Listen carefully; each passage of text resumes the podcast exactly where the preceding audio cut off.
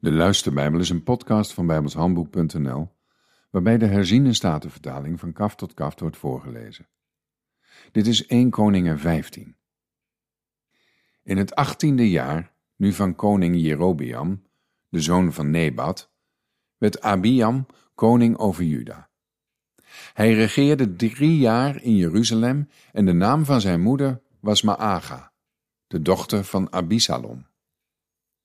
Hij wandelde overeenkomstig alle zonden van zijn vader, die deze voor hem gedaan had. En zijn hart was niet volkomen met de Heere, zijn God, zoals het hart van zijn vader David. Maar omwille van David gaf de Heere, zijn God, hem een lamp in Jeruzalem, door na hem zijn zoon te doen opstaan en door Jeruzalem in stand te houden, omdat David gedaan had wat juist was in de ogen van de Heere en niet was afgeweken van alles wat hij hem had geboden. Alle dagen van zijn leven, behalve in de zaak van Uria de Hethiet. Er was oorlog geweest tussen Rehabeam en Jerobeam, al de dagen van zijn leven. Het overige nu van de geschiedenis van Abiam en al wat hij gedaan heeft, is dat niet beschreven in het boek van de kronieken van de koningen van Juda. Er was ook oorlog tussen Abiam en Jerobeam.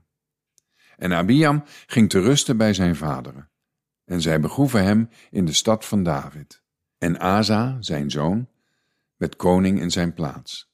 In het twintigste jaar van Jerobeam, de koning van Israël, werd Asa koning over Juda. Hij regeerde 41 jaar in Jeruzalem en de naam van zijn grootmoeder was Maaga, de dochter van Abisalom. En Asa deed wat juist was in de ogen van de Heere, zoals zijn vader David. Hij verdreef de schandknapen uit het land en deed alle stinkgoden weg die zijn vaderen gemaakt hadden.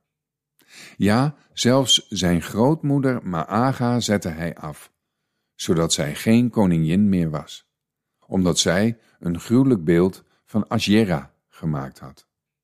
Asa hakte haar gruwelijke beeld om en verbrandde het bij de beek Kidron.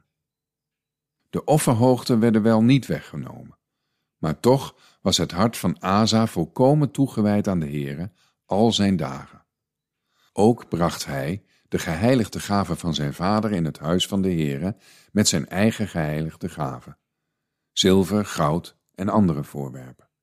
En er was oorlog tussen Asa en Baeza, de koning van Israël, al hun dagen.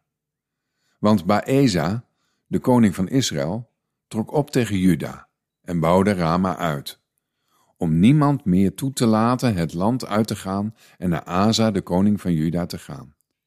Toen nam Asa al het zilver en goud dat overgebleven was in de schatkamers van het huis van de Heere en van de schatten van het huis van de koning, en stelde het zijn dienaren ter hand.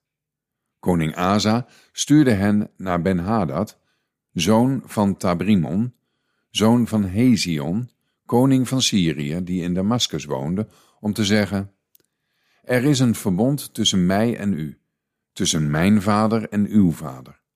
Zie, ik stuur u een geschenk, zilver en goud.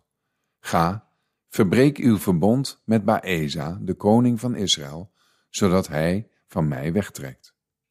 Ben-Hadad luisterde naar koning Asa en stuurde de bevelhebbers van de legers die hij had op de steden van Israël af. En hij versloeg Ilion, dan Abelbet Maaga en heel Kinerot, met heel het land van Naphtali. Het gebeurde toen Baeza dit hoorde, dat hij ophield met het uitbouwen van Rama. Hij bleef in Tirza. Toen liet koning Asa door heel Juda omroepen dat zij allemaal, niemand was vrijgesteld, de stenen van Raba en het bijbehorende hout waarmee Baeza gebouwd had, moest wegdragen. Koning Asa bouwde daar Geba in Benjamin mee en Mispa. Het overige nu van heel de geschiedenis van Asa, al zijn macht, alles wat hij gedaan heeft en de steden die hij gebouwd heeft, is dat niet beschreven in het boek van de kronieken van de koningen van Juda. Alleen in de tijd van zijn ouderdom werd hij ziek aan zijn voeten. Asa ging te rusten bij zijn vaderen en werd begraven bij zijn vader, in de stad van zijn vader David. En zijn zoon Jozafat werd koning in zijn plaats.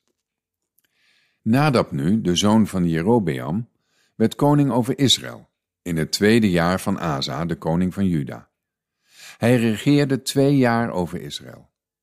Hij deed wat slecht was in de ogen van de Heere en ging in de weg van zijn vader en in diens zonde waarmee hij Israël had doen zondigen. Maar Baeza, de zoon van Ahia uit het huis van Issachar, smeedde een samenzwering tegen hem. En Baeza doodde hem te Gibeton, dat aan de Filistijnen toebehoorde, toen Nadab en heel Israël Gibeton belegerde. Baeza doodde hem in het derde jaar van Asa, de koning van Juda, en werd koning in zijn plaats. Het gebeurde nu, toen hij koning was, dat hij heel het huis van Jerobeam doodde. Hij liet niets over van het huis van Jerobeam, wat Adam had, totdat hij het weggevaagd had, overeenkomstig het woord van de Heere, dat hij gesproken had door de dienst van zijn dienaar Ahia uit Silo, vanwege de zonde van Jerobeam, die zondigde en die Israël deed zondigen, en om zijn tergen waarmee hij de Heere, de God van Israël, tot toorn had verwekt. Het overige nu van de geschiedenis van Nadab en al wat hij gedaan heeft, is dat niet beschreven in het boek van de kronieken van de koningen van Israël. En er was oorlog tussen Asa en Beeza, de koning van Israël, al hun dagen. In het derde jaar van Asa, de koning van Juda, werd Baeza, de zoon van Ahia, koning over heel Israël, in Tirza, en regeerde 24 jaar. En hij deed wat slecht was in de ogen van de Heere, en ging in de weg van Jerobeam en in diens zonde, waarmee hij Israël had doen zondigen. Tot zover.